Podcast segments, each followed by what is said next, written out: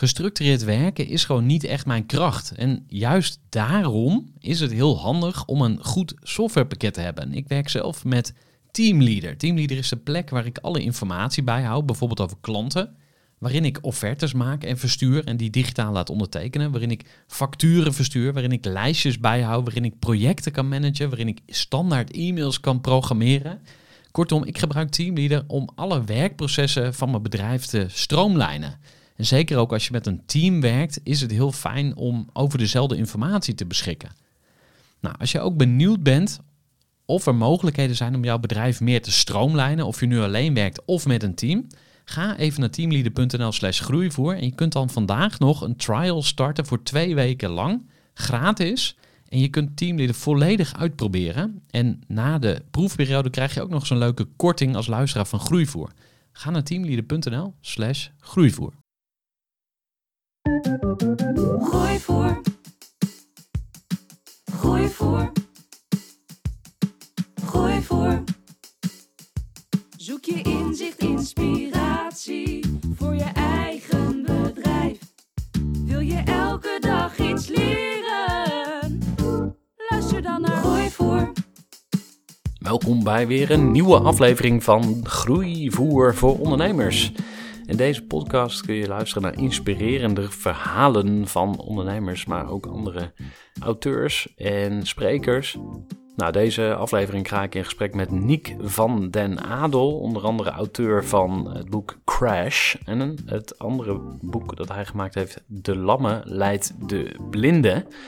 Nou, uh, Niek uh, is een uh, veelgevraagd spreker, een van de topsprekers in Nederland. En hoe dat gekomen is, ontdek je in deze aflevering. Want Niek was ooit succesvol op de Zuidas. ja, hij crashte, zoals de titel van zijn boek Crash ook doet vermoeden. Ja, en toen was hij in één keer verlamd tot aan zijn bovenlichaam. Dus dat is best wel een intens verhaal. En... Um, nou, dat ga je allemaal ontdekken in deze aflevering. Dus ik, uh, ja, ik zou zeggen, ga lekker achterover zitten en geniet van dit mooie gesprek met Niek van den Adel. Voor de kennis en ideeën van een interessante gast. Die zijn verhaal met jou wil delen. Luister je naar Gooi voor. Nou, ik zit hier... Uh in Utrecht in de Groeiclub. En uh, voor weer een nieuwe mooie aflevering van de Groeivoer podcast. Uh, Nick, van harte welkom uh, bij de Groeivoer podcast.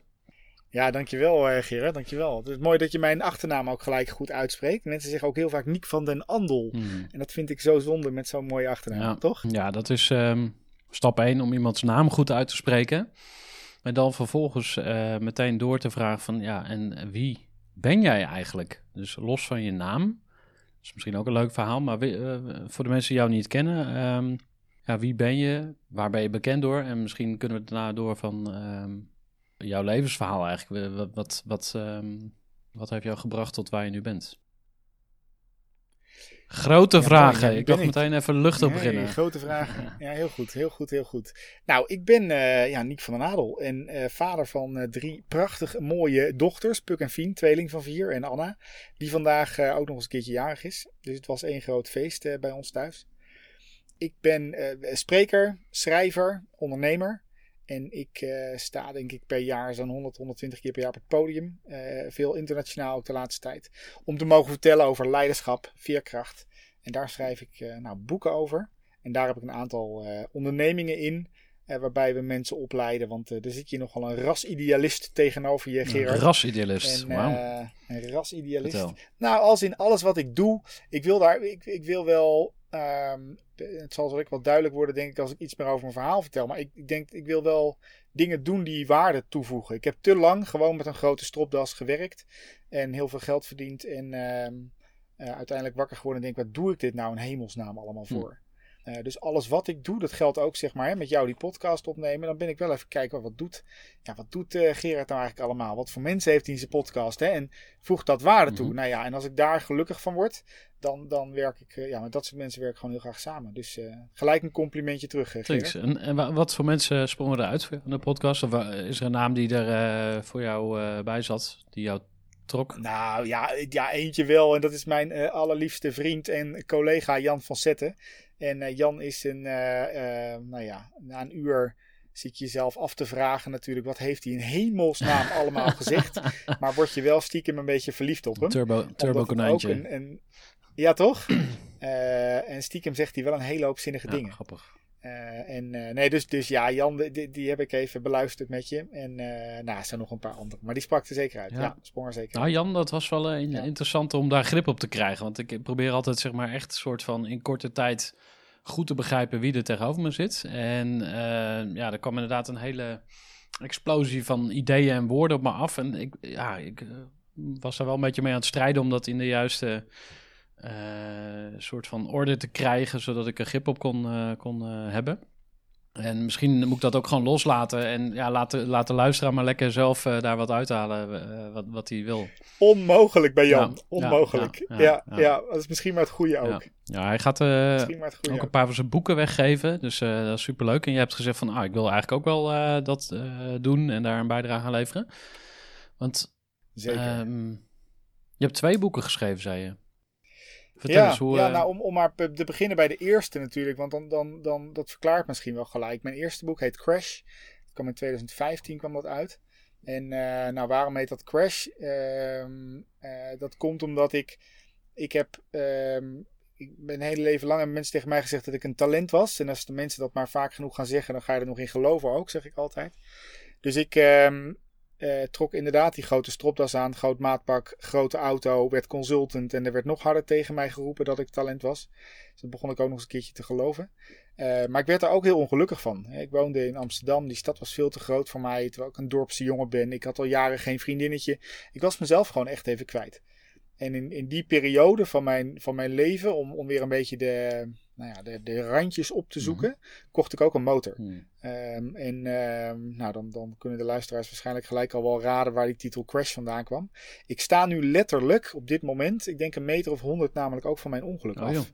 Uh, want op 16 juli 2010 ben ik s'avonds naar mijn werk naar huis toe gereden. Uh, heb ik een eenzijdig motorongeluk gehad. Ben ik op de zijkant van de ja, van de stoep geraakt. En heb ik eigenlijk alles kapot gemaakt in mijn rug wat er maar kapot kon worden. En daar hield ik een hoge dwarslesie aan over. Mm. Dus ik ben ongeveer nou, tot tepelhoogte ben ik verlamd geraakt. Uh, dus mijn hoofd en mijn armen die doen het nog. Maar voor de rest rol ik momenteel door het leven door. Mm. Um, en het subtiteltje van het boek is dus ook... Er zijn mensen die pas gaan leven als ze eigenlijk dood hadden moeten zijn. En, en, en, en, Crash is ook vertaald in het Engels. En er staat dan ook: Some people need a brush with death to start living. Ja, En Engelsen kunnen dingen altijd veel malen beter zeggen dan wij in het Nederlands. Maar dat zorgde er wel weer voor daarna dat ik, dat ik uh, op zoek ben gegaan naar wat maakt me nou eigenlijk gelukkig en waar voeg ik nou eigenlijk waarde toe. Want het was niet in ieder geval die consultant zijn mm. uh, aan het einde. Het was niet mijn pad. De grote kantoorpanden, uh, de, de, nou, wat mij eh, de, de gelikte wereld. Ik denk nog steeds dat Amsterdam Zuid als een van de ongelukkigste uh, populaties zijn op deze mensheid. Maar goed, mm. dat is mijn uh, bevooroordeelde mening die ik daarover heb.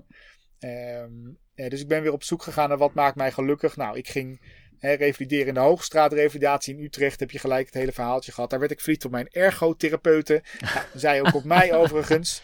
Hè, dat is wel goed voor het verhaal. En, en zo ontmoette ik in het, in het diepste punt van mijn leven ook de liefde van mijn leven. En, en ja, daar kreeg ik uh, drie prachtige dochters mee. Dus er zit een gelukkig man hier tegenover jou uh, um, in deze podcast te praten. Maar niet altijd, het is niet altijd een gemakkelijk leven. Dus ook zakelijk. Er zijn vier bedrijven uit voortgekomen. Ik ben een druk baasje en ik, ik, loop regelmatig tegen mijn eigen grenzen aan. Dus even de auto hier aan een plas zitten, kijken over het water dat zorgt ervoor dat ik ook eens wat rust heb om gewoon in de rust met jou te bellen. In hmm. plaats maar mee door te gaan in die red race die wij het leven noemen. Ja. Um, dus, dus ja, dat is het eerste boek. Ja, heftig. En um, nou, dit verhaal heb je waarschijnlijk heel vaak verteld ook. Um, ja. is, is dit zeg maar... of die, die ervaring zelf, zeg maar, is dat iets waar je makkelijk over praat? Of is er een stukje wat je gewoon, wat je nog steeds niet kan aanraken of zo? Want het lijkt me ook een soort van traumatisch of zo. Ik bedoel, daar, uh, het is natuurlijk super krachtig dat je uh, het verhaal kan gebruiken om andere mensen verder te helpen. Maar het is ook een hele diepe pijn. Dus waar, waar ligt voor jou de grens daarin?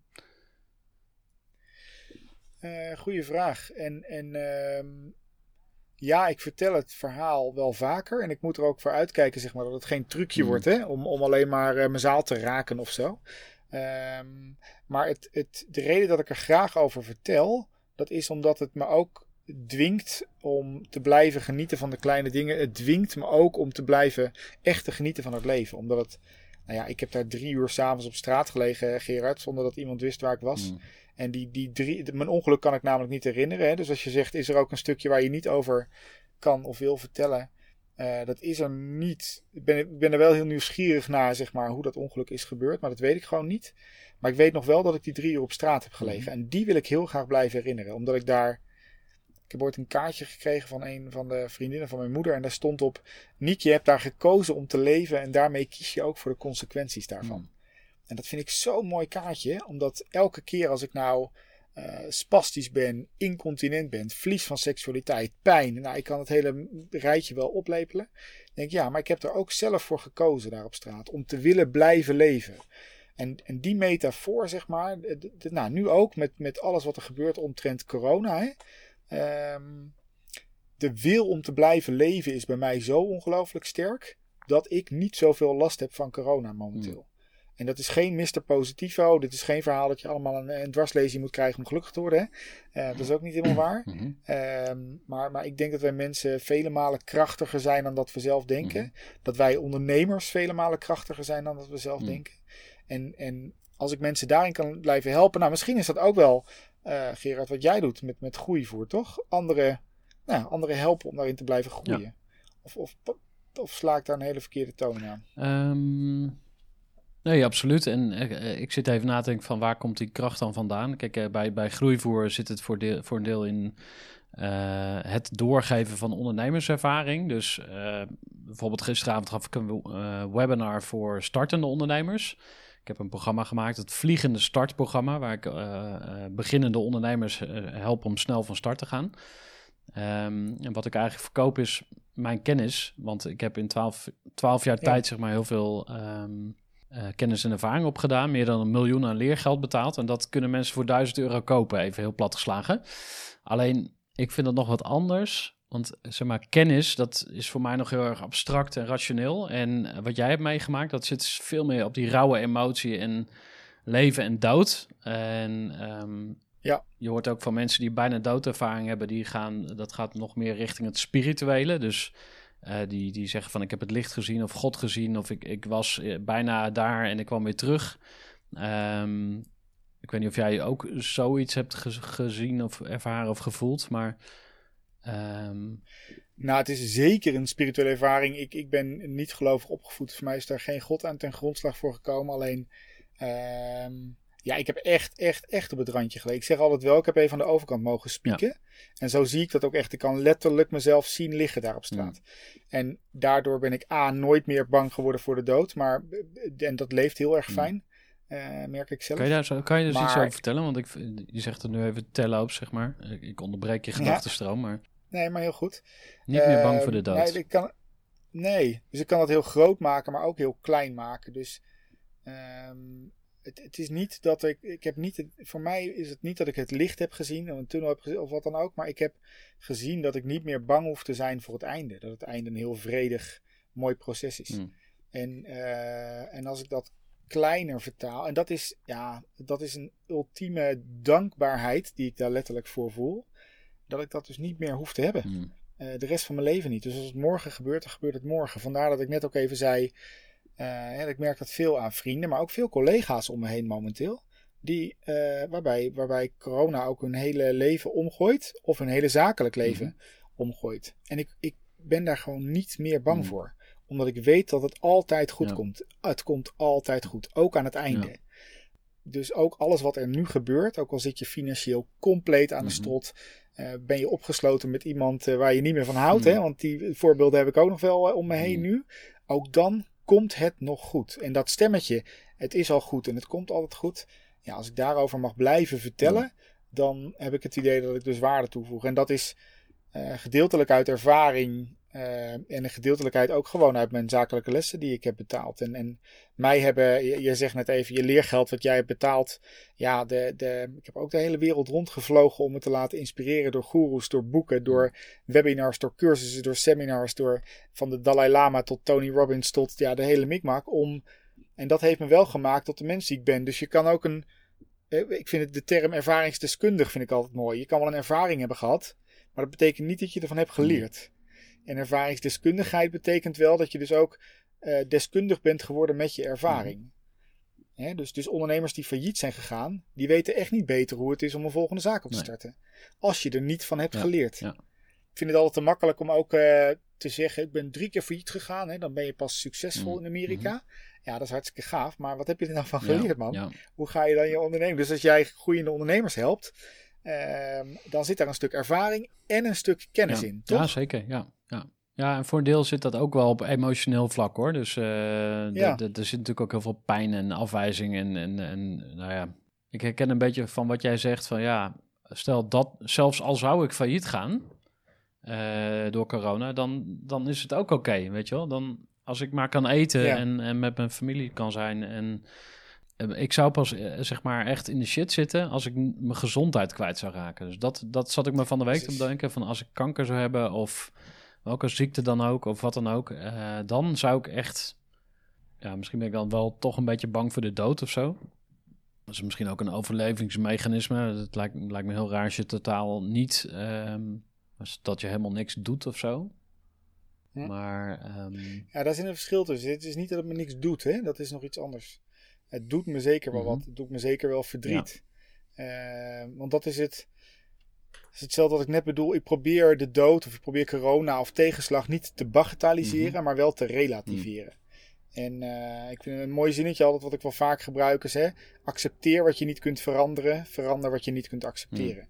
En ehm, eh, dat accepteer wat je niet kunt veranderen, dat, dat, geeft mij, dat geeft me zo. Jongens, ik heb niet in de hand Mhm. wat er nu met corona Ja. gebeurt. Ik heb het niet in de hand dat ik morgen ziek word. Ik heb het niet in de hand dat. Weet je, wij Nederlanders, we zijn het best verzekerde landje van de wereld. eh, omdat we ons tegen alle tegenslag in ons leven proberen te verzekeren. En dat vind ik een, dat vind ik een ongezonde levensstandaard. Dus tegenslag gaan we krijgen. Ja. Punt. Period. Tegenslag als ondernemer ga ik. Weet je, ja, ik werk als spreker. Binnen 48 uur had ik op 15 maart. Op in, in februari gingen mijn internationale congressen er al uit. En op 15 maart had ik gewoon geen werk meer. Er verdampte echt voor mijn Ja. ogen gewoon 80 tot 100.000 euro. Patsboom, Ja. weg. Ik had mijn PA aan de telefoon en die zei: Ja, Nick, het is nu einde oefening. En sterker nog, ik denk niet dat de grote podia terug gaan komen voor juli 2021. Want we durven gewoon niet bij elkaar te Nee. komen. Dan heb ik twee dingen. Dan ga ik twee dagen onder het dekbed liggen. Heb ik ook echt wel gedaan, overigens. Ehm, alleen daarna, ik weet wel één of twee dingen over omgaan met tegenslag.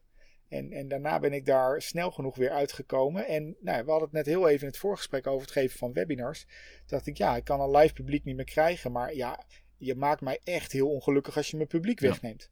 Dus ik ben als een dolle gas gaan geven over, eh, eh, eh, op webinars. Ja. en dat heeft geresulteerd dat er gewoon 30 geboekt Ja. stonden.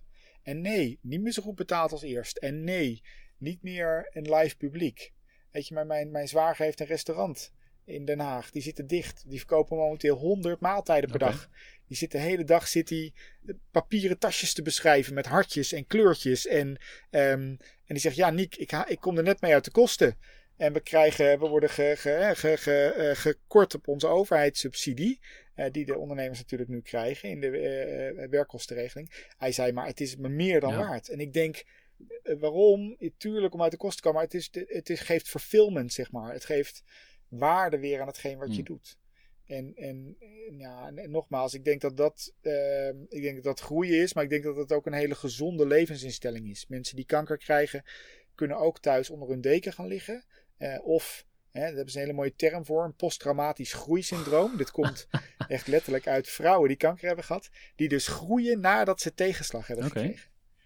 Hè, dus een andere partner krijgen, een andere relatie, ander werk zijn gaan doen. Dus traumatisch tegenslag- groeisyndroom, die ga ik wel even onthouden. ja, is toch mooi, of niet? dat is ook helemaal in mijn... eh, Ja, die vind ik ook leuk. ja. Eh, dus, dus, dus tegenslag kan je ook helpen Absoluut. groeien. Dat is een beetje wat ik probeer te zeggen. Ehm, en nou, als je dat leert, Mhm. Dan hoef je niet meer bang te zijn voor de toekomst. Maar dan kan je dus ook deze coronaperiode. Ja, ik merk dat ik gewoon floreer in, in mijn bedrijf ook. En rendeert dat dan gelijk? Nee. Mhm. Eh, ik bedoel, ik, ik, heb, ik heb de Speakers Club. Dat is een club die is gemaakt om sprekers op te leiden. Die hebben allemaal geen Mhm. werk. Eh, ik heb een club die heet Heartbeats. Dat, is, dat, is, dat gaat over persoonlijke ontwikkeling. We mogen geen live trainingen geven. Maar ik heb ook een uitgeverij. Ja, die floreert momenteel wel. Want we Mm. geven heel veel Ja. boeken uit. Ehm, En, en we hebben alle onze dienstverlening digitaal gemaakt. Nou, dat noemde jij net ook heel eventjes hè, met je programma voor jonge ondernemers. Dus er kan heel veel. Dat is meer wat ik probeer te zeggen. Maar dat is wel een attitude. Ja. ja. Even een korte onderbreking met een belangrijke vraag aan jou. Want wat heb jij geregeld voor het geval je van de ene op de andere dag zou komen uit te vallen? Wat gebeurt er dan met je bedrijf, maar vooral wat gebeurt er met jou persoonlijk en ook in financieel opzicht? Samen met ASR voerde ik drie openhartige gesprekken over tegenslag en veerkracht. En dat deed ik met Saskia, Vincent en Pieter. Ondernemers met een bloeiend bedrijf die van de ene op de andere dag niet meer konden werken. En die verhalen hoor je in aflevering 256, 257 en 258 van deze podcast. Als ondernemer wil je natuurlijk niet uitvallen. En daarom is het belangrijk dat je veerkrachtig bent, want voorkomen is beter dan genezen. En als het dan toch misgaat, is het fijn dat je iets geregeld hebt, zodat je weer snel door kunt met ondernemen. Wil je weten hoe veerkrachtig jij nu bent? Vul dan in twee minuten de veerkrachttest van ASR in. Ga naar asr.nl slash veerkrachttest ondernemers. Uh, twee boeken, um, vier bedrijven. Daar wil ik straks ook sowieso nog meer over weten. Um, kan je nog vertellen over dat andere boek wat je geschreven hebt? Ja, die is net uit. Uh, die heb je ook echt in een uurtje uit. Dat heet De Lamme leidt de Blinde. Mhm. Ik sta uh, regelmatig met Joyce de Ruiter. Zij oh, wordt, ja. syndroom van Usher, zij wordt langzaam blind en doof. Mm die heb je misschien wel voorbij zien komen. En wij praten beiden natuurlijk veel over veerkracht, over omgaan met veranderen. En zij kwam een keer kijken bij een van mijn optredens. En toen, toen zei ik voor haar: Wat grappig man, dit is toch de lamme leidt de blinde. Nou, dat vonden we allebei zo grappig dat we nu in vier weken tijd samen een boek hebben geschreven. En dat is ontploft, de eerste druk uitverkocht. En het is een heel klein, grappig boekje om mensen gewoon weer te laten lachen in tijden van corona. goed. Gewoon eventjes te laten. Uh, humor is zo'n belangrijk onderdeel van veerkracht. Om mensen gewoon weer eventjes uh, de leuke kant te laten ja, zien. Ja, ja, wat mooi. Ja, en het was gewoon een feestje om dat te schrijven. Ja. Dus dat is het tweede boek. Het derde boek komt uit in, in september. Dat gaat puur over veerkracht. Mhm. En hoe nou ja, hoe maak je ook je, je onderneming veerkrachtig? Hoe ga je dus ook door als de tijden wat minder ja, Kan je, kan je eens wat spoilers geven? Wat, wat, wat is jouw beste tip om uh, meer veerkrachtig te zijn uh, met je bedrijf? Uh, ik denk dat de beste tip is... Um, kijk, veerkracht is um, gebaseerd op een aantal, um, op een aantal pijlers. En dat is één pijler die, die, is bijvoorbeeld voor mij echt de allerbelangrijkste, is zorg goed voor jezelf. En dit is een enorm de momentje, zeg maar. Maar uh, goed eten, goed sporten, goed slapen. Voornamelijk goed slapen. Ik weet dat dat bij mijn collega-ondernemers nog wel een dingetje is. Uh, um, zeker als de tijden wat slechter gaan. Maar goed leren slapen. Mm -hmm. Goed voor jezelf zorgen betekent ook goed voor jezelf denken. Mm -hmm. Dat is mijn allergrootste winpunt, denk ik, uh, ondernemerstechnisch. Dat ik, dat vind ik moeilijk hoor. Want nogmaals, toen ik je net vertelde, toen corona inhakte, lig ik echt twee, twee dagen onder mijn dekbed. En doe ik alsof ik niet besta. Ja. ja. en alle ondernemers die ik om me heen, die slapen slecht. Daardoor ga je minder goed eten, ga je minder sporten. En dat is een negatieve spiraal. Dus, maar dat is mijn pijler. Voor anderen betekent het veel meer vanuit hun waarde leven. Voor anderen eh, betekent het veel meer stilstaan. Maar goed voor jezelf zorgen. Ik denk dat dat echt... Mm. Juist nu mm -hmm. zo belangrijk ja. is.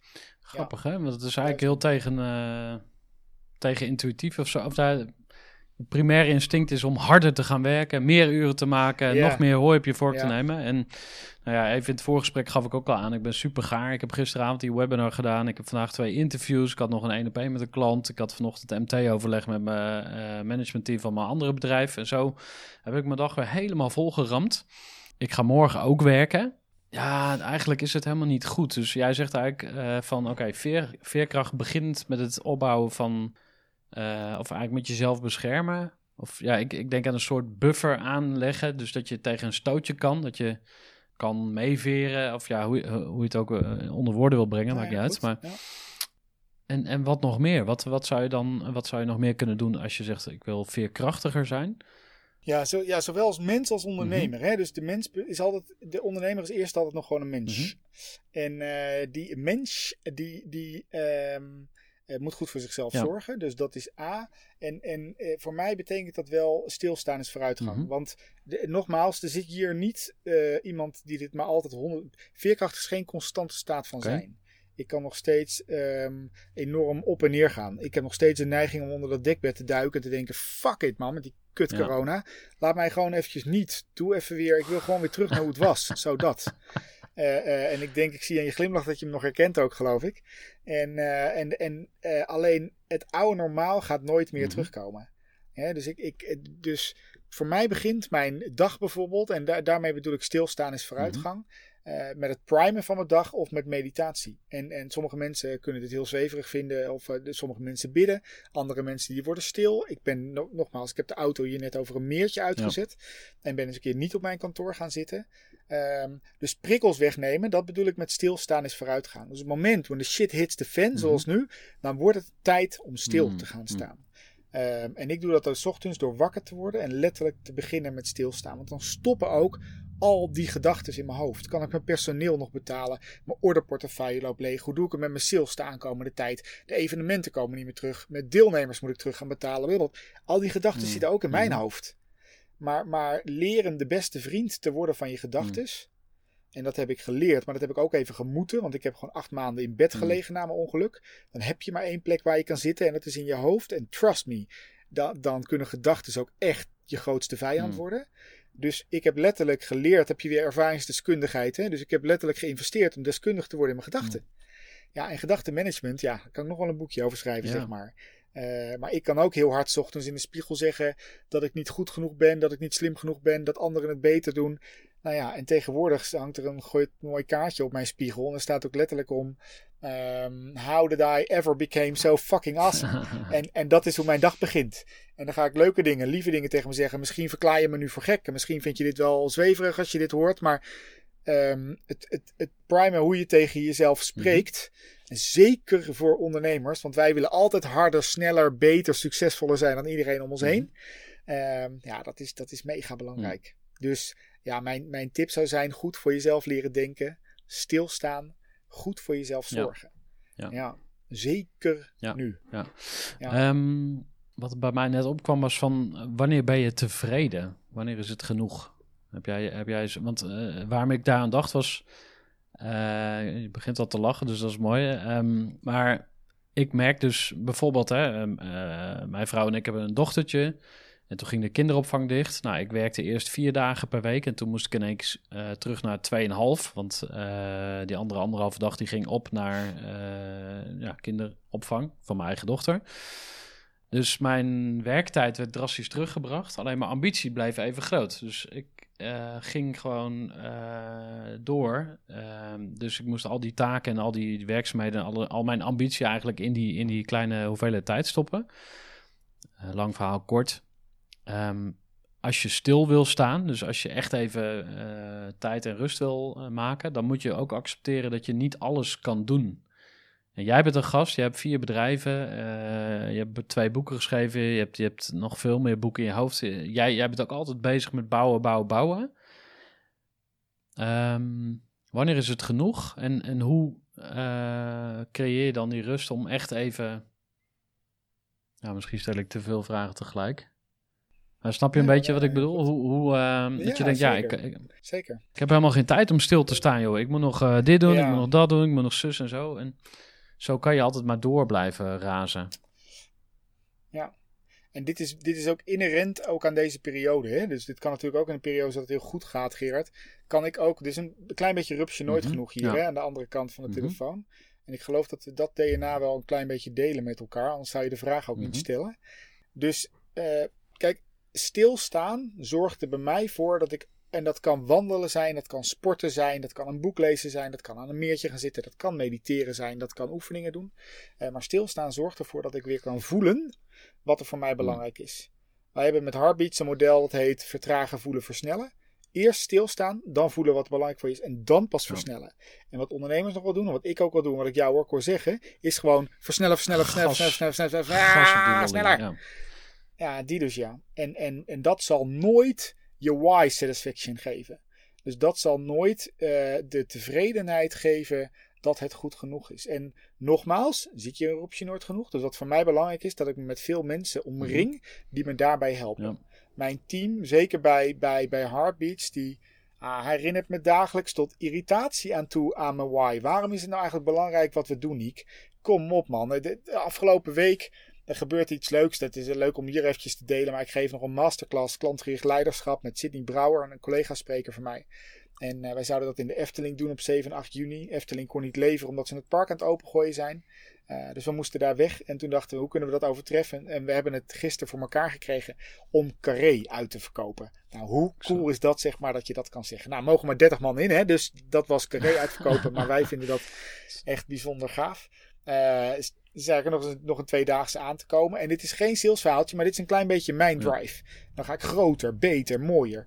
En wat ik dan direct krijg in mijn omgeving, die dan tegen me zegt: Oké, Nick, je bent weer aan het gaan. Je gaat weer naar voren toe. Ik zeg: Ja, we moeten ja, leuk, mooie dingen. En allemaal mensen hebben. Nou, uh, ga stilstaan. Oh, wacht, stop. Waarom is het zo belangrijk dat het doorgaat? En heel eerlijk, Gerard, voor mij is het ook echt heel belangrijk dat het nu doorgaat, omdat het nu ook gewoon geld in het mhm. laadje brengt.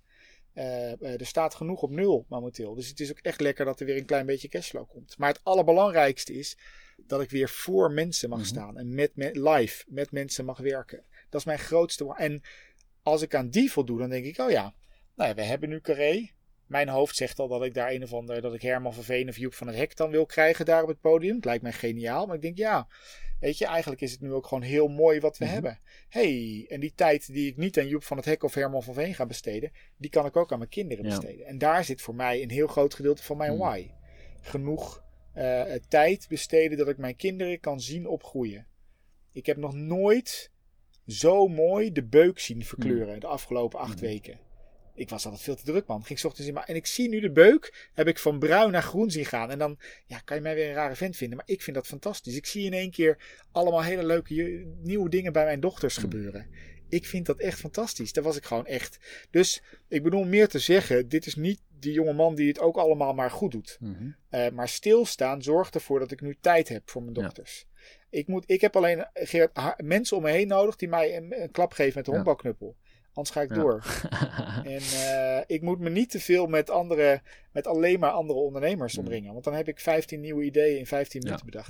Ja, ja, dat werkt ook niet. Ja, dus zo. Voor mij werkt dat. En Ehm, ik kan niet laten om het woord ego dan ook even te droppen, zeg maar. Want uh, welke rol speelt dat in jouw leven? Wat versta je eronder? Hoe, hoe, hoe, zit dat bij jou? Nou, het is een goede, uh, goede vraag. En ik heb, ik heb, twee groepjes, de praatjesmakers en de babbelaars. Dat zijn twee groepjes met sprekers. Waarvan Jan van Zetten bijvoorbeeld ook in de praatjesmakers zit. En uh, de babbelaars. Uh, en dan zitten we met Jos Burgers en met Richard Hoop. Nou, het zijn allemaal mannen die bijna doodgaan, zeg ik. Dus ik had ook een clubje nodig met jonge mensen. Dus dat werd inderdaad hè, Thijs Lindhout en Sydney en Arjen Benach en uh, Jozef Oebelkas. Nou, ga maar verder. Maar daar is dit wel een goede vraag in. Die daar ook, hoeveel van ons vakken, het podium doet ook iets met je ego. Het dagelijks een staande ovatie krijgen doet ook iets met mijn ego. Dus, maar waarom doe ik nou mijn vak? Doe ik dat om dat applaus te krijgen? Sterker nog, ben ik dus nu ook gelukkig zonder live mhm. publiek of zonder staande ovatie. En ik merk um, dat ik eigenlijk het gelukkigst word als ik een goed gesprek heb met jou. Mm over dit soort zaken bijvoorbeeld. Als ik een, als een na een optreden iemand naar mij toe komt en zegt: Wauw, Nick, je hebt me echt geraakt. Als ik een boek krijg en zegt: Nick, ik heb echt iets uh, geleerd uit je boek en ik ben daardoor iets anders gaan doen in mijn relatie of in mijn werk. daar zit voor het grootste mijn why. En daar heb ik geen groot podium voor mhm. nodig. En dat is dus ook het niet het voeden van mijn ego. Echter, ik zou echt, uh, ja, ik zou gek zijn als ik nu ga ontkennen dat, dat dit iets, of dat dit niets met mijn ego hm. doet. Uh, egoloos leven, dat doe ik ook niet. Ja, het blijft ook heel lekker om die complimentjes te krijgen. Ja. ja. Um, so, ja, het is dit simpel. En op het moment dat de boel instort, krijg je dus in één keer minder complimentjes. En, en om te gaan zoeken naar die complimentjes, dat is niet de oplossing. Uh, om te blijven leven vanuit je why, vanuit je waarde, wat voor mij belangrijk is. Voldoende tijd met mijn dochters.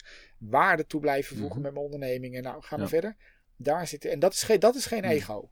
Uh, daar zit het ego niet in. Uh, ja, ja, zeker. Gooi voor. Groeiclub. Ja, je zit nu uh, lekker te luisteren naar het gesprek dat ik heb met uh, Niek. Mocht je nou uh, iets meer willen weten over groeivoer, dan wil ik je van harte uitnodigen om mij even toe te voegen op LinkedIn. Want ja, er luisteren echt honderden mensen naar deze afleveringen. Meestal tussen de 500 en de 1000 op dit moment. Maar ehm, ja, ik vind het altijd leuk om ook even een stapje verder te gaan in, in de relatie. Dus als je luistert en je denkt van nou, die Gerard is misschien ook wel een aardige kerel, voeg me even toe. En wellicht kunnen we elkaar iets beter leren kennen. En vooral als je ondernemer bent, of je nou aan het begin van je reis staat of al wat langer bezig bent, of misschien zelfs je bedrijf alweer verkocht hebt. Ik vind het heel leuk om je beter te leren kennen. Ik heb namelijk een groeiclub, de Groeiclub voor Ondernemers. En dat is een uh, ja, soort mastermind uh, en ondernemersnetwerk in één. Wij helpen elkaar als ondernemers verder bij onze groei. Dat kan zijn persoonlijke groei, maar ook het laten groeien van je bedrijf. We hebben eigenlijk twee groepen. Eén voor ondernemers met personeel, één voor ondernemers zonder personeel. Nou, lijkt het jou interessant om eens te kijken of uh, Groeivoer jou kan helpen bij je groei, waar je ook staat? Uh, neem even contact op. Dus uh, ik zie jou snel op LinkedIn. En uiteraard kun je ook gewoon even op groeivoer.nl gaan kijken. En dan gaan we nu weer terug naar het gesprek met Niek van den Adel. Luister lekker verder naar Groeivoer. Een gevaarlijk groetje. En waarom ik er um, uh, zelf mee bezig ben, is ook gewoon van de, die prestatiedrang. Iedere keer weer uh, uh, naar voren ja. stormen en iets willen um, neerzetten. En de vraag is dan altijd, voor wie doe je dat? En, en dan, weet je wel? Dus als je dat bereikt hebt, wat dan? Dus je hebt een, een, een boek ja. geschreven en het wordt 10.000 keer verkocht. Oké, okay, tof. En dan, weet je wel? Um, maar ja, ja, moet je dan dat boek dan maar niet schrijven? Moeten we dan maar onder de dekens gaan liggen en allemaal een beetje aan onze reet krabben? Nee, dat is ook niet de bedoeling. Dus, uh, en voor mij is het heel erg het hemelse en het aardse, zeg maar. Dat bedoel ik niet in, in, in gelovige sferen, maar, uh, of misschien ook wel, maar niet uh, vanuit religieus perspectief. Maar je hebt de hogere idealen, waarden, de dingen die echt belangrijk zijn, zoals liefde. Uh, of het goede doen, of wat dan ook. En, en je hebt het aardse, het stoffelijke, wat, wat er ook is, weet je wel. Uh, en het is er allebei. Het, het, het is hetzelfde ding als je, daar, als je daarin gelooft. Nou, heel verhaal. Het was niet echt een vraag. Ik probeerde weer naar een vraag toe te gaan, naar jou, maar... nee, nee, maar, nee, maar juist zit een mooie uiteenzetting neer, denk ik. En ik denk wel dat het uh, voor, nou, voor ons allebei, maar ook ongetwijfeld voor jouw luisteraars... een, een Kijk, de, de, ik denk dat het heel goed is om s ochtends eens bij jezelf de vraag te stellen: mm -hmm. ga ik hetgeen wat ik nu doe, doe ik dat uit om een ego te strelen, ja. zeg maar? Uh, uh, doe ik dat omdat ik het echt belangrijk vind? Dat het voor mij belangrijk mm -hmm. is. Ja. Uh, doe, ik dat, doe ik dat vanuit mijn waarde? En, en ja, ook ik val vaak genoeg in de, in de valkuil dat ik dat vanuit, doe om mijn ego te voeden. En daar word ik dus nooit gelukkig voor. Want dan heb ik zo direct carré uitverkocht. Uh, en dan doet een ander doet dat tien keer. Dan weet ik ja. ook. En degene die dan tien keer doet. En nou, dit is een beetje het, het syndroom. Ja. Uh, ik, ik blijf dat mooi vinden bij uh, Avicii, bij Robin Williams. en wat dan ook, zeg maar. De grootste comedian die we ooit hebben gehad. Uh, Avicii, een van de beste die. Maar het was nooit genoeg. Het moest altijd groter. Het moest altijd meer. Het moest. Nou, je weet hoe het met beide is afgelopen. dan kan je niet meer tegen de druk van het leven op een gegeven moment. Terwijl je eigenlijk alles hebt. Ja. Uh, en, en, en dat is iets wat. Ik denk dat ik nog nooit zo gelukkig ben geweest in mijn leven als mijn eerste paar maanden in mijn revalidatiebedje. Hoe gek mm. dat ook mag klinken. Ik kan terug verlangen naar mijn revalidatiebed. Mm. Uh, want daar was het leven zo puur, ja. zo simpel. Zo dicht bij de source. Uh, ah man, mm. ja. En, en hoe dichter ik daarbij kan leven. En ego haalt me daar wel uit ja. weg. Er was helemaal geen ego man. Ik lag in mijn naki in mijn bed. Ik kon niet meer lopen. Ik kon niet meer plassen. Ik kon niet meer poepen. Ik kon helemaal niks meer. Uh, en toch was ik heel gelukkig. Mm. Omdat ik zulke mooie gesprekken mm. had met mijn vrienden, met mijn mm. familie. Uh, ik snapte in één keer de complete zin van het leven. En ik denk dat wij mensen op ons allergelukkigst zijn als we bezig zijn met persoonlijke groei. En of dat het luisteren is van een podcast, een, een, een, een opleiding doen, eh, naar een guru gaan, uh, Netflix, maakt me niet uit wat je doet, zeg maar. Maar ik ben het gelukkigst als ik meer leer over mezelf, over de mensen om me heen. En uh, ja, dus dat zal ik ook de rest van mijn leven blijven doen. Daarin investeren. En zeker op momenten dat het slechter ja. gaat. Dus ik luister me helemaal suf aan podcast. Oh ja. En ik, ik, ik schrijf me over. Ja, Nog ik schrijf steeds. me overal in. En ik ben. Ja, ik vind dat. Ja, doe je dat niet? Gewoon blijven. Ja, zeker. Maar ik, ik ben wel daarin? selectiever nu. Want ik, ik luisterde twee jaar ja. lang alles wat los en vast zat. En. Uh, Ah, dat heb ik ook. Dat, dat, nee. dat, dat, dat wordt nu minder. En juist ook de verstilling waar jij het over had. Uh, als ik nu naar buiten ga, wil ik ook. Ik neem soms mijn telefoon niet eens meer mee. Want Heel um, goed. Nee, maar blijven groeien. Kijk, ik, ik kom ook mensen tegen zeggen: Gerard, ik wil helemaal niet groeien. ik zeg dan voor de grap, ja, je groeit altijd, want elke dag groeien je nagels en je haren en alle, al je huidcellen worden ververst en zo. Dat is natuurlijk een beetje een flauw grapje, maar of je nou wil of niet, je groeit. Ehm, eh, dus, maar het is wel slim om na te denken welke kant wil ik opgroeien en wat kan ik daarmee voor iemand anders betekenen. Um, ik denk dat dat een, een, vraag is die, die iedereen zichzelf kan stellen. Ook als je weer eens een boek leest en je bent weer helemaal enthousiast. Ehm, wat, wat kan jij met dat boek, met die kennis voor iemand doen? ja, dat brengt je altijd op, op betere plekken, denk ik. Ja, ja eens. Ja, ja I couldn't agree more. Nou, dat, uh, absoluut, als ik uh, die speakers uh, clubjes zo hoor, dan, dan um, vraagt hij me net de binnenschoot van wat moet je eigenlijk doen om een goede spreker te zijn of te worden? Of ja, ben je het al en ga je vandaar werken? Of is, het, is het maar voor weinigen weggelegd? Want jij speelt in die, in die, in die top league in Nederland, zeg maar. Dus je hebt er vast wel een beetje kijk op. Ja, ja, dat is wel leuk. Hè? Dus ik speel inderdaad in die top league in Nederland. En als ik kijk naar de internationale spelers, dan ben ik weer een mietje. Dus wil ik altijd maar meer of geniet ik dat ik, even terugkomen op ons vorige thema, of geniet ik dat ik gewoon nu in Nederland een hele mooie gevestigde naam heb gekregen. Uh, dat tweede lukt me gelukkig steeds beter. Ook dat is denk ik groeien. Mhm. Steeds beter leren genieten van wat er mhm. gewoon is. Uh, voor sprekers. Nou, de Speakers Club is precies opgericht voor deze vraag. Want we hebben in Nederland best wel veel opleidingsinstituten die je leren beter presteren. En die gaan dan vertellen waar je handen moet houden, bla bla bla bla bla. Maar dat maakt geen professionele spreker. Dus de Speakers Club is opgericht voor mensen die van spreken hun professie mhm. maken. Punt. De rest van Nederland heb ik daar niet in nodig. En wat grote CEO's die ook niks anders doen dan spreken. Uh, en, en, dat klinkt vrij hard, maar daar zijn we heel selectief in wie we daarin aannemen. En waarom? Omdat het ook maar een heel selectief clubje is in Nederland wat spreker wil, uh, kan worden. En daarmee bedoel ik dat ik krijg wekelijks echt meerdere mailtjes, maar al mijn collega's om me heen ook niet. Dat wil ik ook. Hoe doe je dat? En um, um, uh, A, is er geen one formula voor succes.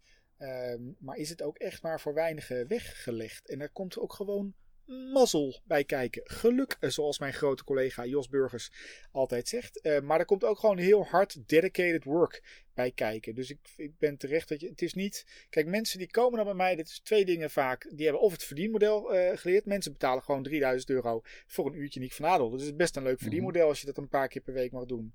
Maar ja, op het moment dat je dat gaat doen, om die reden, ja, dan heb je echt het verkeerde vak mhm. gekozen. Want dan gaat die spanningsopbouw die er echt wel eens je kapot maken. Uh, een tweede reden is dat mensen het bijvoorbeeld uit, uh, uit zingeving willen doen. Nee, ik wil de wereld wat mooier maken. En nou, die krijgen vervolgens geen werk. dus het schiet ook niet op. Um, en, de, de, en de derde reden is het ego. Het is ook echt heel lekker om op dat podium te staan. En dat zijn allemaal verkeerde redenen om dit van te Dus niet voor het geld, niet dus voor de purpose en niet voor het ego?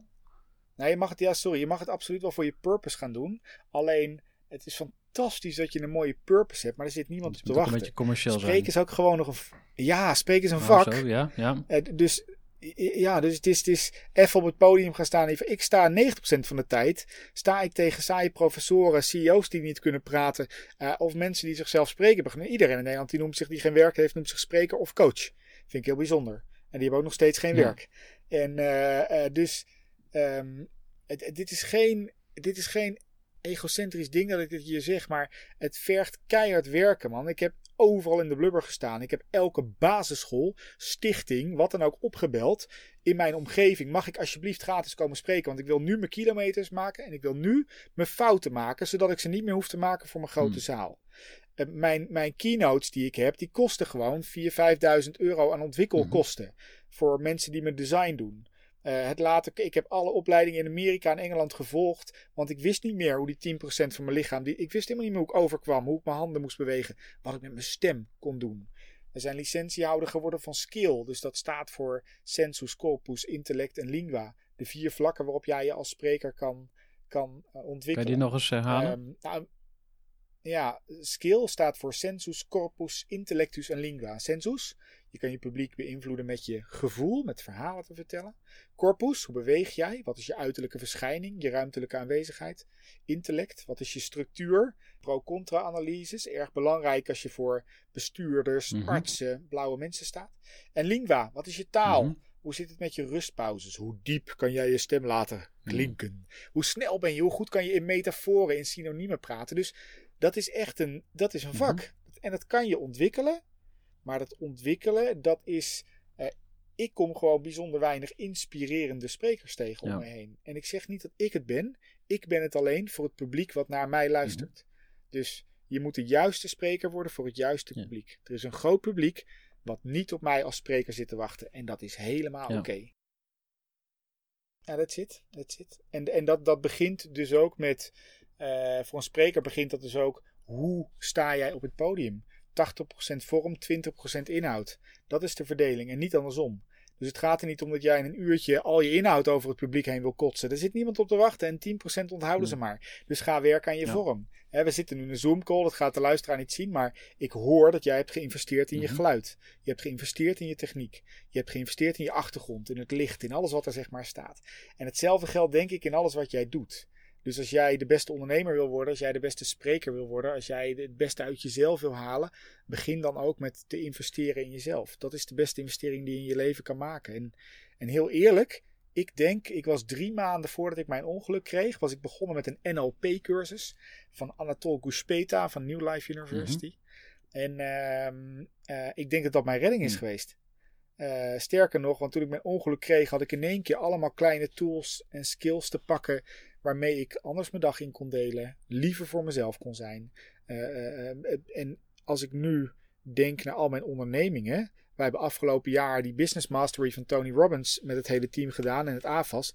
En die hebben ook nog eens een keertje gewonnen. Hmm. Ik denk dat dat mijn redding is dat mijn ondernemingen momenteel zo goed gaan. En dat we aan het knallen zijn en aan het groeien zijn als een malle in deze tijd. Maar dat heeft er wel mee te maken dat ik wel eventjes 8k neer moest leggen voor mij en mijn teamleden om naar die Business Mastery te gaan. En dan zullen sommige luisteraars, ja, dat is makkelijk praten voor jij niet. Je kan dat misschien betalen. Nou, er is één ding zeker. Dat is niet makkelijk mhm. praten. Want dat doet mij gewoon echt pijn om dat te moeten betalen. voor hoeveel mensen mag je dan komen? Eén. Uh, per persoon? Ja, vier stuks. Dat, is wel, dat zijn, eh, nou ja, ik zat gisteren in, in, die, in die webinar met die startende ondernemers. Die vinden het dus heel moeilijk om 1000 euro uit te geven. Terwijl je gaat wel op vakantie uh, naar, naar Griekenland. En dan, dat, dat kost ook 1000 euro. Maar waarom mag dat dan... Snap je? Ja. Ja, maar Gerrit, dat is dus niet met je voeten in de modder gaan mhm. staan. De reden dat jij je ondernemingen kan leiden zoals je nu doet. De reden dat, uh, ik spreek me dus, ik, ik snap mensen wel. Ik heb namelijk, toen ik die NLP-cursus deed, moest ik 1250 euro betalen, weet ik nog heel mhm. goed, voor een 15-daagse. Dat geld heb ik moeten lenen van mijn ouders, want dat had ik helemaal niet. Ik stond 8k of, of 5000 euro in de bank op de mhm. min, al twee mhm. jaar lang. Omdat ik niet gezond met mijn financiën bezig was. Uh, maar ik heb hem wel geleend. En met al mijn pijn en moeite terugbetaald. En dit gaat niet om geld. Dit, dit is geen geldding. Dit is een attitude ding heb ik uh, de guts om te komen waar ik wil hmm. komen. Ik ken niemand om me heen, van alle ondernemers, van al mijn vrienden, uh, van de groenteboer op de hoek, die er makkelijk is gekomen. Het is gewoon keihard werken, hmm. man. Ik ben nu ook met webinars. Dat iedereen die, die, die zit me nu te bellen en uh, die roept: uh, Niek, we willen, ik wil ook dat die webinars gaan geven. Man, ik heb nu net, ik denk van de 30 die ik heb gedaan, heb ik er acht helemaal mhm. verpest. De techniek werkte niet, het geluid was niet goed. Maar ja, als je er nu eentje boekt, dan kan ik kiezen tussen drie verschillende camera's. Gerard, ik zie net aan ja, je hebt een goede webcam, je kan mhm. zoomen, uh, je hebt goed geluid, je hebt goede techniek. Ik heb heel erg veel geïnvesteerd in mijn mhm. stem. In deze stem zit echt duizenden euro's aan stemcoaching. Uh, omdat ik weet dat die 10% mijn stem is steeds mm. belangrijker geworden mm. voor mij. En zoals ik nou van jou een podcast op zit te nemen, een uur lang en ik praat zo, is dat niet fijn. Uh, maar dat kost wel niet zozeer geld, maar het kost tijd en mm. energie. En tijd en energie, die kan je ervoor vrijmaken. En als je het geld niet hebt, ook al heb je die 1000 euro, Gerard, voor jou niet, hè, dan heb je misschien wel 10 euro. En die 10 euro die kan je gaan stoppen aan een ijsje, of je kan een podcast voor 10 euro kopen. Niet gratis luisteren, kopen. Nou, dus, dus dat. Uh, want, want ik kan niet in jouw portemonnee kijken hoe groot die is. Of wat voor jou haalbaar hmm. is. Uh, want ja, als je het mij nu zou vragen, zou ik nu die 32.000 euro niet op kunnen hmm. brengen. Echt absoluut niet. Uh, maar ja, toen wel. Dus dat is het voordeel. Dus, gaan we even terug naar de Business Mastery. Want um, ja. Je zei van we hebben dat gewonnen. Hoe, hoe werkt dat? Dat is dan een soort competitie of uh, contest tijdens dat event? Jazeker. Ja, daar heb ik nu. Ik denk dat dat echt mijn redding is geweest. Je begint uh, met de 1200 ondernemers, waarvan je weet dat er ook nog eens een keertje. Of eh, sorry, met 1500 verder ondernemers. Waarvan er ook nog eens een keertje 200 miljonairs voor je zitten. Die allemaal hele grote bedrijven leiden. Want die betalen gewoon 150.000 euro per jaar. Om bij de Platinum Members te komen. En dan kom je binnen en dan ga je knuffelen en high five en harde muziek. Alles wat wij Nederlanders heel irritant mhm. vinden. En als je je daar overheen kan zetten, dan kan je daar heel veel leren. Dan begin je, heb je per dag 15, 16 uur uh, workshops. En daarbuiten krijg je te horen, je moet ook nog eens een keer met jouw teampje, die je niet kent, een nieuw bedrijf oprichten. Je gaat limonade verkopen. En s'avonds krijg je te horen, jongens, succes. Vanaf nu drinkt niemand ter wereld meer limonade. Dan denk je, oh, fuck de duck. Je hebt vijf dagen de tijd om nu je complete businessmodel om te gooien en een succesvol nieuw bedrijf neer te zetten. Ja, en toen hebben wij de volgende dag lagen we om zes uur voor het AFAS op de grond. Als allereerste hebben we de beste plek in de, in de, in de hoek geconfiskeerd. Hebben we gelijk een marketingcampagne losgelaten. En toen startten wij al het bedrijf Heartbeats. Wij gingen t-shirts verkopen waar mensen met hun eigen handdruk, hun eigen hand op hun hart konden drukken. Want Heartbeats is gemaakt om mensen van hun hoofd naar hun hart te krijgen. Dat is onze hmm. slogan. Hè? De, de, de afstand tussen je hoofd en je hart bedraagt 23 centimeter. En dat is de langste weg die je waarschijnlijk ooit in je leven zult hmm. afleggen. We hebben ons helemaal kapot gewerkt. Naast die 14 à 15 uur per dag. En toen stonden we, uh, we hadden binnen een dag duizend volgers op Instagram. En ja, we hebben geloof ik 500 of 600 euro verdiend. Maar daar ging het helemaal niet om. Het ging erom dat je in de grootste crisis van je leven, want niemand dronk meer limonade, in één keer onder mega druk, zonder tijd en zonder geld, je complete businessmodel. En toen stonden we na vijf dagen, er stond daar ene Tony Robbins op het podium. En ik zal je het filmpjes toesturen, Gerard. The winners are Team Heartbeats. En er stonden daar 2000 man te klappen. Uh, en toen hadden we gewonnen. En, uh, uh, ja, en dat is een les die ik dus... je blijven omringen met mensen die met mij werken, die weten dit. Maar ik werk altijd aan drie principes. Ik moet jou energie geven en jij moet mij energie geven. Anders vind ik je gewoon niet meer leuk na een tijd. En jij mij niet. Dan moet je het gewoon niet meer doen. Je moet een uniek talent hebben uniek talent. En als derde, je moet onstopbare honger naar meer hebben. Naar, naar een beter leven, een leuker leven, meer geld, mm. gelukkiger. Maakt me niet uit. Ja, en als je die drie dingen voldoet, en dat deden we met het teampje, jongen, dan ga je vliegen. Dan ga je echt, echt vliegen. Dus ja, wij verkopen nu, uh, we hebben binnen twee weken hebben wij onze complete dienstverlening digitaal gemaakt binnen ja. Heartbeats. En we verkopen gelijk de eerste programma's vol. De Speakers Club, man, we gaan naar een carré staan.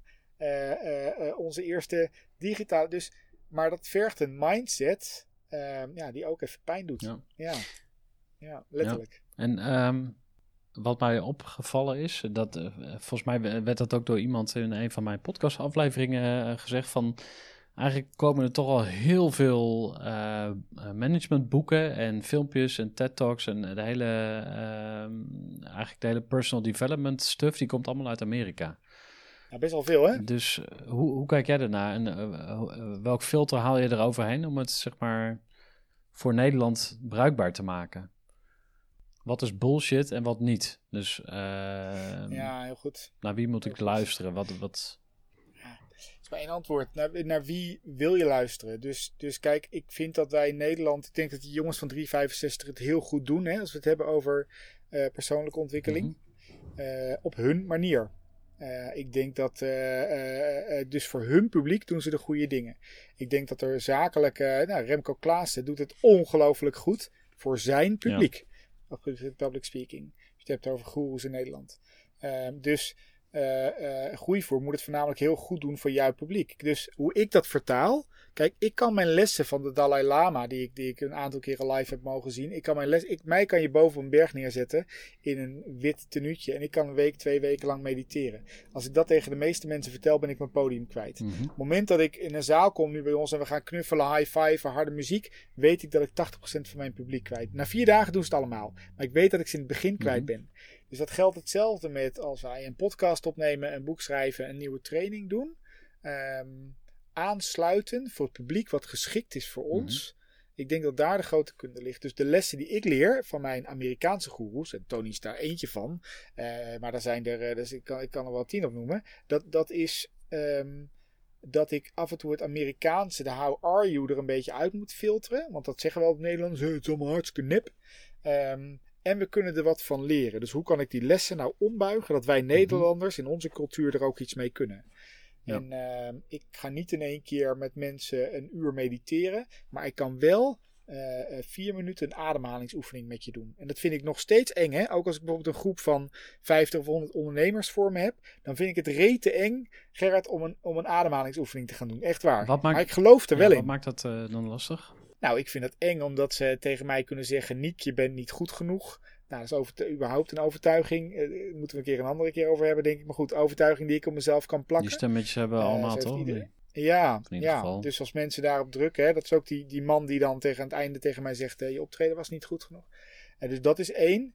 Uh, ja, ik heb, je, ik heb voor betaald en wat is dit voor een Amerikaanse rotzooi? Of uh, je denkt toch niet dat ik vier minuten stil ga zijn? Dat hoor ik nog wel eens van retailers of horeca-ondernemers waarmee ik dit doe. Um, en, en toch denk ik dan, ja, maar wacht even. Dus nou ja, 80% wel heb weten te raken in die zaal. Dan moet ik dus gaan werken met die 80% en iets minder gaan luisteren naar die 20%. Er zullen genoeg mensen zijn die groei voor belachelijk vinden. En uh, man, er zit een of andere positieve Gerard te, te roepen over zijn bedrijf en zijn opleidingen. En uh, wat zeg, het is prima dat ze dat roepen, maar dan is het gewoon niet jouw publiek. Ja. Maar, uh, maar, om, maar ja, dus, mee eens. Maar ik denk ook wel van als je zeg maar main, of als je aan de top wil staan, moet je ook een soort van mainstream blijven. Dus dat, als ik jou zo hoor praten, denk ik van... hé, hey, ja, uh, het liefst zou je misschien gewoon uh, die ademha ademhalingsoefeningen doen. Maar aangezien het grote publiek daarop afhaakt... Ja, blijf je erbij weg of zo? Ja, nou, dat is de marketingvraag zeg maar tegenover de why-vraag. Hmm. Um, dus ik geloof hier zo sterk -hmm. in dat ik alleen die ademhalingsoefening dus niet aan het begin met mensen moet hmm. doen. Maar ik weet zeker, Gerard, zelfs als ik jou voor mijn neus heb uh, vier dagen lang, aan het einde doe je met me mee hmm. hoor, trust me. In al mijn, ik kom zo'n zaal in met al die Amerikanen, dan voel ik me zo ongewoon. Zit ik ook nog eens in een rolstoel, ik kan ook nog eens niet hmm. weg, hè? Begin al die gasten met te knuffelen, ja, dan word ik gek. Uh, en aan het einde zit ik iedereen te knuffelen. En, en, maar ik moet wel even ergens door mijn eigen gêne heen. En hetzelfde geldt denk ik ook wel met. Ehm, Weet je, als wij een, een, sprekersopleiding doen, ja, dan kunnen we je ook echt tot het bot toe afbranden op het mm. podium. En dat doe ik echt genadeloos liefdevol, mm. noem ik dat. Maar dat moet ik niet in de eerste minuut bij je doen. Ja, dat is niet handig. Mm. Dus eh, de eerste minuut zit veel meer marketing power. Dat is aansluiten bij het grote goed. Maar later duik ik echt wel de diepte met je in. Dus, dus ik ben best wel stevig geweest voor mijn doen tijdens deze podcast. Ook om te vertellen hoe ik naar andere sprekers kijk, naar opleidingen. Maar dat, dat doe ik wel uh, vanuit, um, als ik dit nog harder aan ga zetten, ja, dan ben ik de helft kwijt. En dan denk ik, ja, wat is die Niek voor egocentrisch mannetje mm. met uh, niemand wordt spreker en uh, Ja, ik probeer dit genadeloos liefdevol te doen. Maar daardoor krijg ik wel de mensen in mijn opleiding die echt in de modder durven te staan. En daar word ik gelukkig van. Ja. Ik ben het snelst verveelde jongetje van de groep. Ja. En uh, dus ik moet wel met mensen blijven werken waar ik gelukkig voor word. En zij dus ook van ja. mij. Ja. Um, misschien kunnen we nog heel even um, we moeten toch richting een soort van afronding gaan, denk ik. Um, is er iets wat we nog moeten aanraken waarvan je zegt, hey, dat wil ik toch eigenlijk nog wel even delen of misschien een, een ondernemerstip. Hoe, hoe, hoe, maak je keuzes in deze tijd? Want je hebt vier bedrijven. Hoe, hoe verdeel je je tijd? Heb je daar een, uh, een tip over? Waar misschien anderen ook wat aan hebben. Ja, hele goede bestuurders aannemen. Oké. Okay. Als tip nummer één. Ja. Uh, maar uh, ja, die heb ik wel hard moeten leren. Dus niet alles zelf willen. Ja, het is een schot voor open doel. Maar ik, ik ben nog wel iemand die dan heel snel toch maar alle dingen zelf gaat doen. Mhm. En uh, dus uh, dat ben ik nu wel aan het leren. Uh, door me echt te gaan omringen met, met. Ik heb vorig jaar financieel een hele harde knieval moeten maken. Doordat een van mijn bedrijven, waar ik samen met een partner in was begonnen, uh, waar onze samenwerking niet goed ging. Dat heeft me ongelooflijk veel geld gekost. En voornamelijk heel veel pijn, boosheid en moeite. Nou, dat was een les die ik te leren had hoor, maar het is niet leuk. Uh, ik heb daardoor wel geleerd dat ik me moet blijven omringen met mensen. Ik ben echt de slechtste bestuurder die er bestaat. En de slechtste manager. Omdat ik morgen weer tien andere ideeën. Maar moet je lekker creatief, innovatief ja, laten ja. zijn. Ja. Uh, dus dus uh, Danielle en Mandy, die ik nu om me heen heb, ja, die, die zijn zo goed in het bij elkaar houden van die clubs. En daar vertrouwen in loslaten. Dus, echt, dus dat betekent dat hun ook op hun bek mogen mm -hmm. gaan. Ja, dat is wel mijn allerbelangrijkste tip. Ja, ja en het moeilijkste nog steeds wat er ja. is. Ja. ja. ja. Herkenbaar? Nou ja, zeker. Ik heb, mijn, mijn, uh, ik heb twee bedrijven groeivoer, daar zit ik echt volle bak in. Dat, dat ben ik aan het opbouwen. Ik zit in die, in die start-up fase, zo gezegd eerste twee jaar, zeg ja. maar. En um, mijn andere bedrijf, Eager People, heb ik uh, zelfstandig gemaakt. Er zit een managementteam op. En um, nu met de coronacrisis ben ik wel weer iets meer uh, betrokken daarin. Um, maar voor mij, wat voor mij heel goed werkt is... Uh, of ik ben er, of ik ben er niet. Maar als ik op kantoor rondloop, dan ga Mooi. ik weer... toch dingen zien en, en ergens iets van vinden, me tegen dingen aan bemoeien. En mensen komen ook naar mij toe, zo van, hey Gerard, want uiteindelijk ben ik dan toch de eindbaas die misschien wel ergens een beslissing kan nemen.